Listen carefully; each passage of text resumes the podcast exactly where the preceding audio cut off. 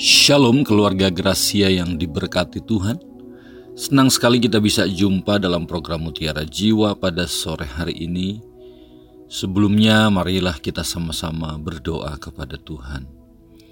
Bapa di surga kami bersyukur untuk sore ini karena hamba boleh engkau izinkan melayani lewat pelayanan program Mutiara Jiwa Radio Sora Gracia kami juga bersyukur untuk umat-umat Tuhan yang Engkau izinkan boleh mendengar program ini pada saat ini.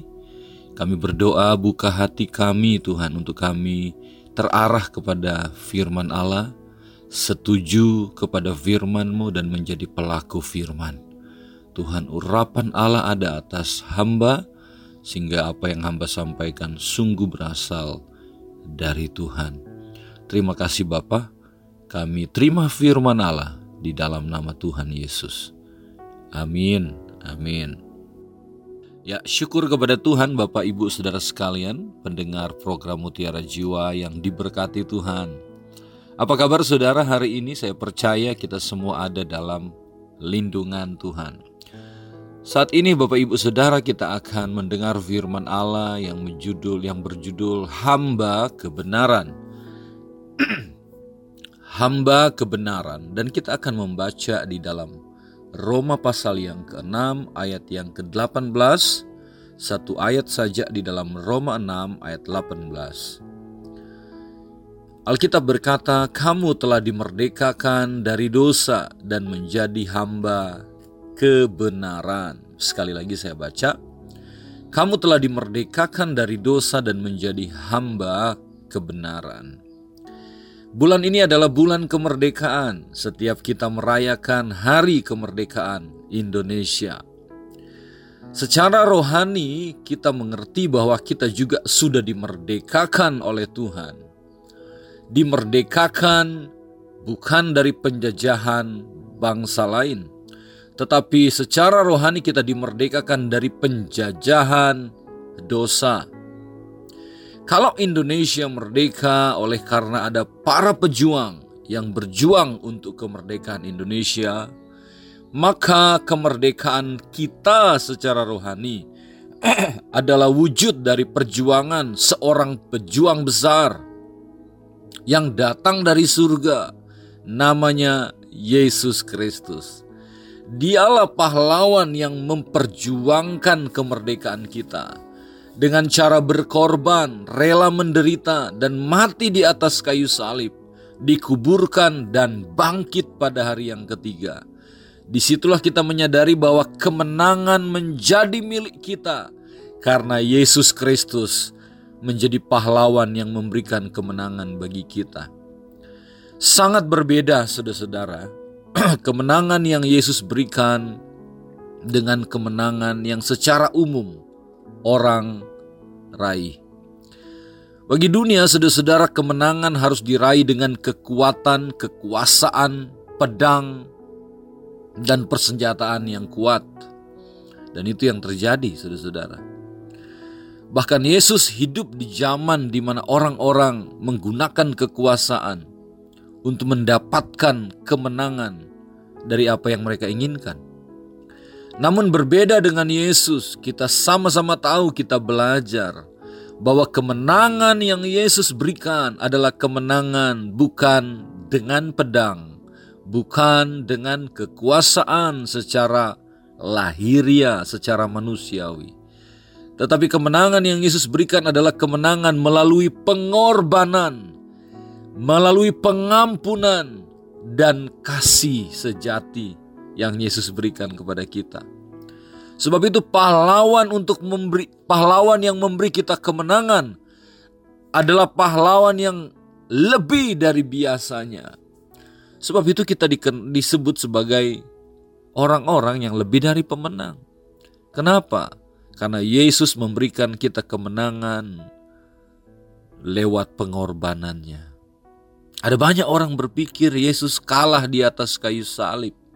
Yesus tidak berdaya, tetapi sesungguhnya itu adalah cara Yesus untuk memberitahu kepada dunia bahwa kemenangan dapat diberikan dan diraih tidak dengan cara duniawi, tetapi dengan cara Tuhan, yaitu berkorban dan mati bagi setiap kita. Dan justru kematian Yesus di kayu salib bukan sebuah kegagalan dan kekalahan, tetapi kematian Yesus di kayu salib adalah sebuah kemenangan untuk lahirnya gereja yang dikatakan oleh Alkitab lebih daripada pemenang. Puji Tuhan. Nah selanjutnya saudara-saudara dalam ayat ini kita melihat bahwa firman Allah katakan apa sih tujuannya Tuhan Yesus memberikan kemerdekaan kepada kita? Apa sih kerinduan Tuhan sehingga dia rela untuk mati di kayu salib dan memberikan kita kemenangan? Jelas Alkitab berkata bahwa kamu telah dimerdekakan dari dosa dan menjadi hamba kebenaran. Rupanya saudara-saudara, jelas Alkitab katakan bahwa ketika Tuhan memerdekakan kita, kita dimerdekakan dari dosa. Dan setelah kita dimerdekakan dari dosa, tujuan Tuhan adalah kita menjadi hamba. Loh bukankah kalau merdeka itu artinya bebas? Itu pandangan kita secara umum. Tapi kalau kita lihat dan setuju dengan ayat ini, justru kemerdekaan kita bukan untuk membuat kita bebas semaunya dan seenaknya kita. Sebaliknya, saudara-saudara, kemerdekaan kita justru adalah pintu untuk kita masuk ke sebuah area baru di mana kita disebut sebagai hamba kebenaran menjadi hamba. Mengapa saudara-saudara? Karena sebelumnya kita menjadi hamba dosa. Setelah kita lepas dari hamba dosa, maka kita menjadi hamba kebenaran. Pada zaman dulu, saudara-saudara, ada prinsip penghambaan atau dikenal sebagai prinsip perbudakan. maka saudara-saudara, orang-orang yang menjadi budak akan dijual di pasar. Ketika seseorang dibeli, ada hukum bagi perbudakan pada zaman itu. Di mana orang yang menjadi budak lalu kemudian dia dibeli oleh satu majikan, maka dia menjadi milik majikan itu. Tapi kemudian saudara-saudara, dia harus bekerja kepada majikan itu selama enam tahun. Tahun ketujuh dia diberikan kesempatan untuk memilih. Bebas menjadi orang merdeka. Selama enam tahun dia harus bekerja mengabdi kepada tuannya, kepada majikannya. Nah sering terjadi saudara-saudara di dalam rumah majikan, meskipun dia seorang budak, dia berjumpa dengan sesama budak yang lain dan dia menikah. Dan tidak jarang saudara-saudara, majikan itu memperlakukan para budak itu dengan baik sehingga mereka merasa nyaman tinggal dengan majikan mereka walaupun mereka budak. Sampai suatu ketika saudara-saudara mereka disuruh pilih. ketika selesai enam tahun mereka disuruh pilih. Mereka boleh menjadi orang merdeka akan diberikan surat bahwa mereka adalah orang merdeka dan mereka bebas memilih untuk melakukan apa saja, menjalani hidup mereka. Tapi saudara-saudara Alkitab menjelaskan bahwa ada orang-orang tertentu, ada para budak yang ketika dia diberikan hak bebas untuk merdeka setelah enam tahun bekerja pada majikannya, budak itu memilih untuk tidak menggunakan kemerdekaannya. Dia justru memilih untuk kembali menjadi budak Mengapa? Tentu ada alasannya. Karena rupanya selama dia menjadi menjadi hamba atau budak pada satu majikan, dia rupanya mendapatkan perlakuan yang baik. Dia merasa jauh lebih baik daripada saya jadi budak tanpa majikan. Ketika saya sudah dibeli dan kemudian saya tinggal pada majikan ini, saya diperlakukan dengan baik, saya bekerja dengan baik, bahkan saya menikah di sini, saya hidup dengan baik. Sehingga ketika dia diberikan hak untuk bebas pada tahun di mana dia harus bebas, eh justru dia memilih untuk aku akan mengabdi kepada Tuhan. Dan aku akan menjadi hamba dari Tuhan seumur hidupku. Maka Alkitab berkata yang akan dilakukan kepada dia adalah telinganya akan ditindik sebagai sebuah tanda bahwa dia sekarang menjadi budak seumur hidupnya. Seumur hidup menjadi budak pada majikan. Mengapa? Karena majikan itu adalah majikan yang baik. Saya melihat kebenaran firman Allah yang kita baru baca tadi. Ada gambaran yang sama yang Tuhan ingin berikan kepada kita. Kita dulu budak dosa. Dan kemudian kita dibeli oleh Tuhan, lunas dibayar. Kita, saudara-saudara, diberi kemerdekaan oleh Tuhan. Tetapi ternyata Tuhan punya kerinduan dalam hidup kita agar supaya kita menjadi hamba, kembali menjadi hamba. Hamba yang memilih untuk melayani sang majikan.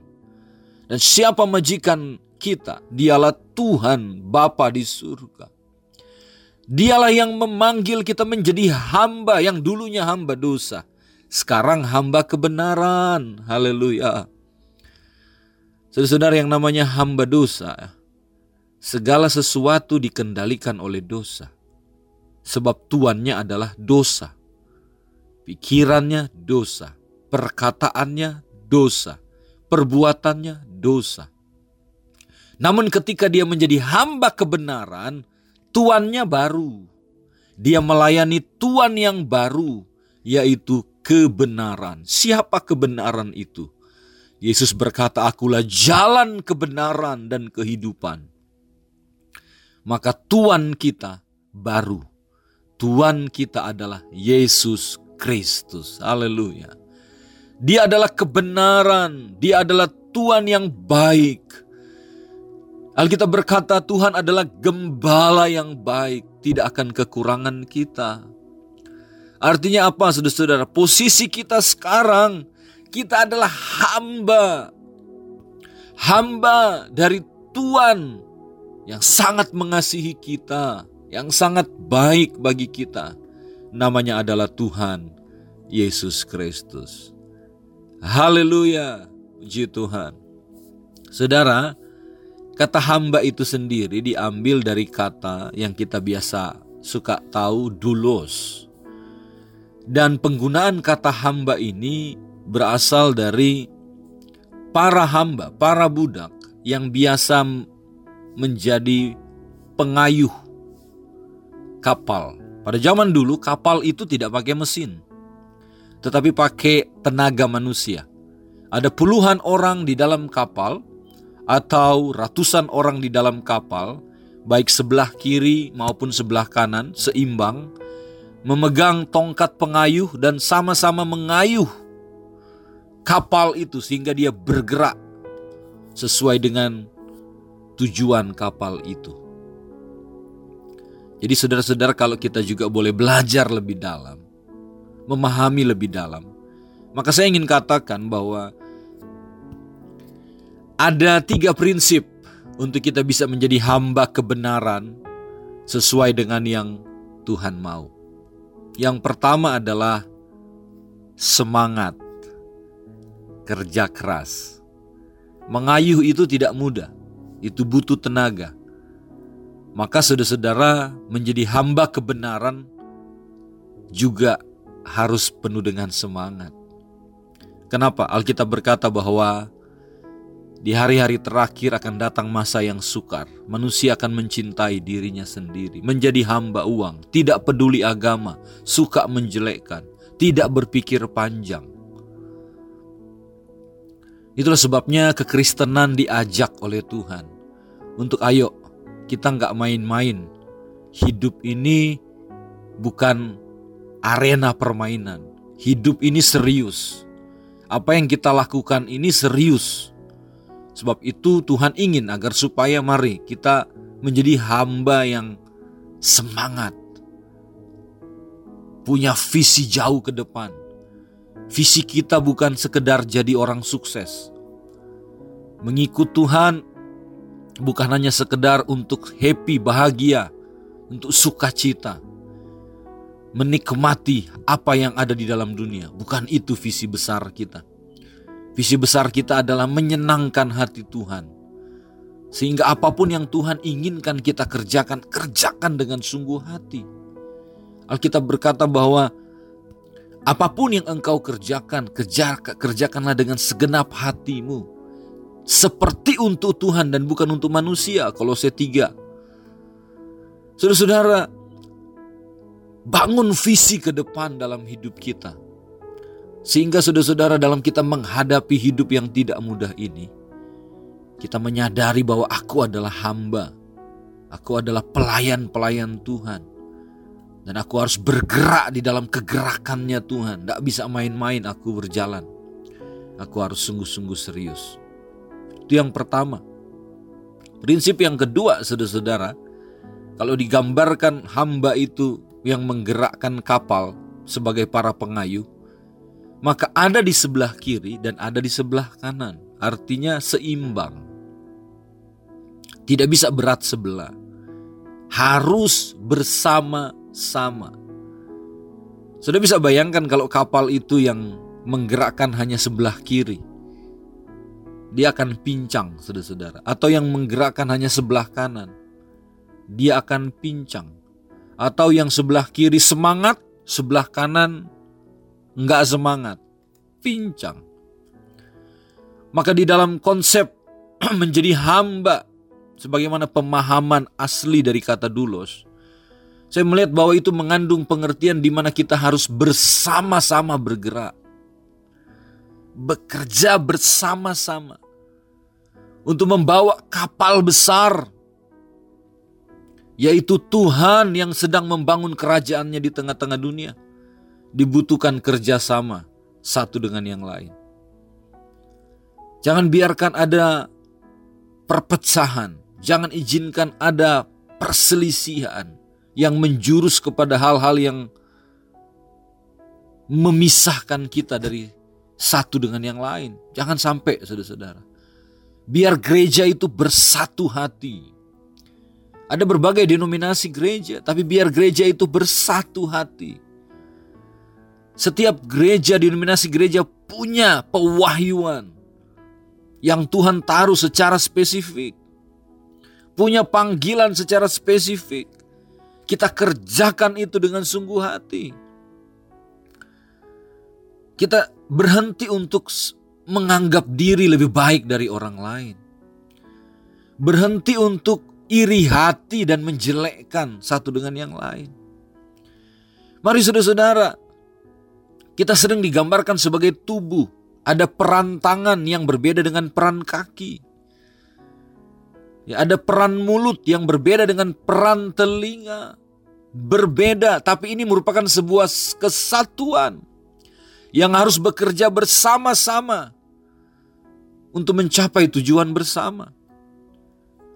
Saya suka menggambarkan begini. Sekiranya saudara-saudara, mulut itu ngoceh dan berkata kepada perut, Hei perut, kamu tuh enak ya. Kalau makanan masuk ke mulut, saya yang kunyah. Saya yang capek, apalagi kalau makanan itu keras. Saya capek mulut saya. Lalu setelah itu kamu yang kenyang perut. Sekiranya mulut bisa ngomong begitu saudara-saudara. Dan kemudian mulut mogok makan. Aduh saudara-saudara. Bukan cuma mulut dan perut yang bermasalah. Seluruh tubuh dari ujung kepala sampai ujung kaki itu bermasalah. Sudah kasih dalam Tuhan Yesus Kristus. Seluruh kehidupan kita. Tuhan ingin pakai. Asalkan kita tahu bahwa sama-sama semua kita adalah hamba-hamba kebenaran. Tidak ada yang bisa menganggap diri lebih hebat dari yang lain. Tidak ada. Alkitab pernah menggambarkan dalam Lukas pasal 17. Di sana dijelaskan oleh Yesus tentang nilai seorang hamba.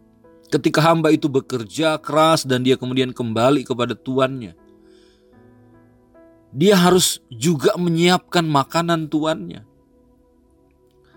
Dia tidak boleh merasa diri sudah melakukan segala sesuatu dan kemudian boleh bersantai. Justru Alkitab dalam Lukas pasal 17 berkata, hamba itu mesti bicara begini. Aku, kami hanya hamba yang tidak berguna. Kami hanya mengerjakan apa yang harus kami lakukan. Saudara kata tidak berguna, saudara-saudara dipakai bahasa asli yang artinya tidak menguntungkan. Unprofitable. Dengan rendah hati kita berkata apa pun yang kita sudah kerjakan sehebat apa pun yang kita sudah kerjakan. Yesus ingin kita mengatakan bahwa kami adalah hamba-hamba yang tidak fokus kepada keuntungan Fokus kami adalah menyenangkan hati Tuhan. Yang kami kejar bukan profit. Yang kami kejar adalah perkenanan Tuhan. Kalau kita hanya selalu berpikir tentang apa yang untung buat diri kita, maka kita akan banyak mengorbankan orang lain untuk kesenangan dan keuntungan kita. Tapi kalau saya dan saudara menyadari bahwa kita ini adalah hamba-hamba kebenaran, maka sebagai hamba kita akan selalu rendah hati.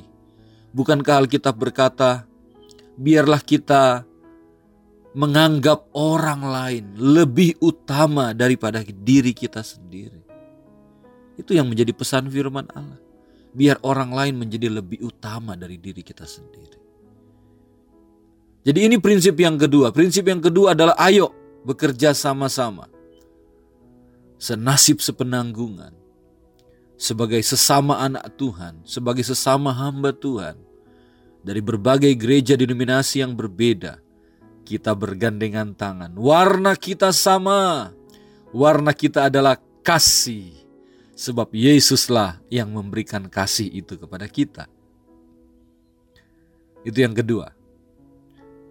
Yang ketiga, saudara-saudara, belajar dari hamba yang bekerja di dalam kapal, maka hal yang ketiga adalah tunduk kepada otoritas.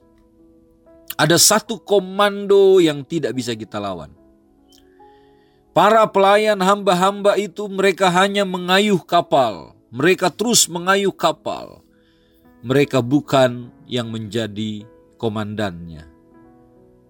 Nahkoda bukan mereka. Nahkoda itu hanya satu. Kemudi kapal itu hanya satu. Dan dialah yang pegang komando kapal itu. Ke kiri atau ke kanan. Ke barat atau ke timur. Para hamba tidak diberikan kesempatan untuk menentukan. Mereka adalah orang-orang yang mengerjakan apa yang harus mereka kerjakan Seringkali mereka mungkin merasa tidak diperhatikan. Seringkali mereka mungkin merasa kurang menguntungkan mereka. Tapi mereka harus dengan sungguh rela hati melakukan pelayanan. Sebab itulah panggilan mereka. Saudara, kita semua adalah hamba-hamba Tuhan. Dan komandan kita adalah Tuhan Yesus Kristus. Kapal besar gereja di mana kita ada dikomandoi oleh satu pemimpin besar, Tuhan Yesus Kristus dan Roh Kudus. Maka sejauh kita saudara-saudara tunduk kepada otoritas firman, kita akan senantiasa menjadi hamba yang penuh syukur, penuh sukacita, melakukan tugas-tugas kita. Tidak akan ada protes dalam diri kita. Kenapa? Karena fokus kita adalah pemimpin besar kita. Dialah yang mengarahkan kita. Sebab itu ada lagu yang sangat terkenal, lagu lama. Pandang terus kepadanya, jangan menoleh jalan terus. Jangan pandang salah orang lain, pandang saja Yesus. Adakah di antara saudara yang sesungguhnya saudara setia kepada Tuhan, tapi mereka saudara mulai merasa lemah, saudara mulai merasa oleng fokus saudara. Hari ini izinkan saya sebagai hamba Tuhan berkata dalam poin yang ketiga ini.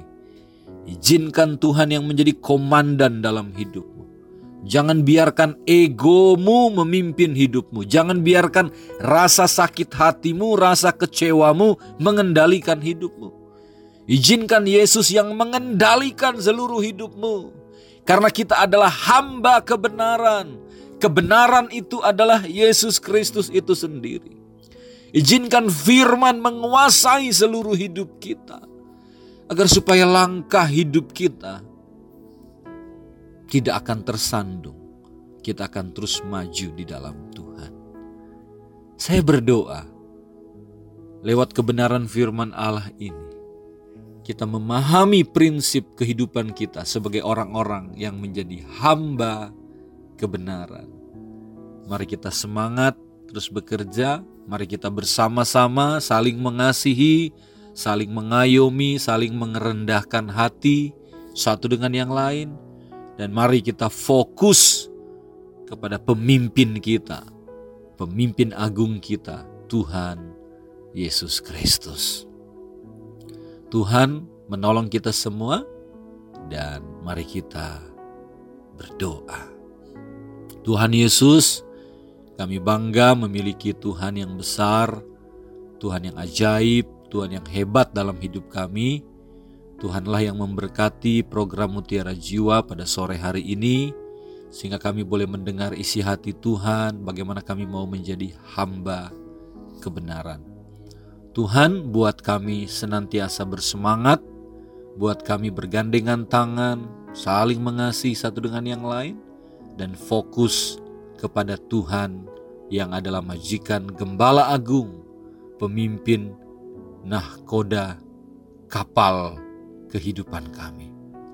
Tuhan, aku berdoa kepadamu, berkatilah rumah-rumah tangga umat-umat Tuhan, biar setiap rumah tangga menjadi kapal yang dinahkodai oleh Tuhan sendiri. Berkatilah gereja, denominasi-denominasi gereja, biar juga setiap denominasi gereja menjadikan Tuhan Yesus sebagai nahkoda di dalam setiap pelayanan kami, berbeda satu dengan yang lain tapi urapilah kami untuk senantiasa memiliki roh kasih, roh persatuan, ikatan kasih mesra satu dengan yang lain untuk kami melangkah dalam rencana Tuhan. Kami berdoa untuk Tuhan program Mutiara Jiwa, lebih luas lagi suara Gracia, setiap program kami berdoa diberkati Tuhan. Berkati hamba-hamba Tuhan yang kau izinkan untuk melayani lewat program Mutiara Jiwa, Berkati semua pendengar di mana pun mereka berada. Kami tahu ada mujizat yang sakit disembuhkan, yang lemah dikuatkan, yang susah dihiburkan, yang tertutup jalan dibukakan jalan oleh Tuhan.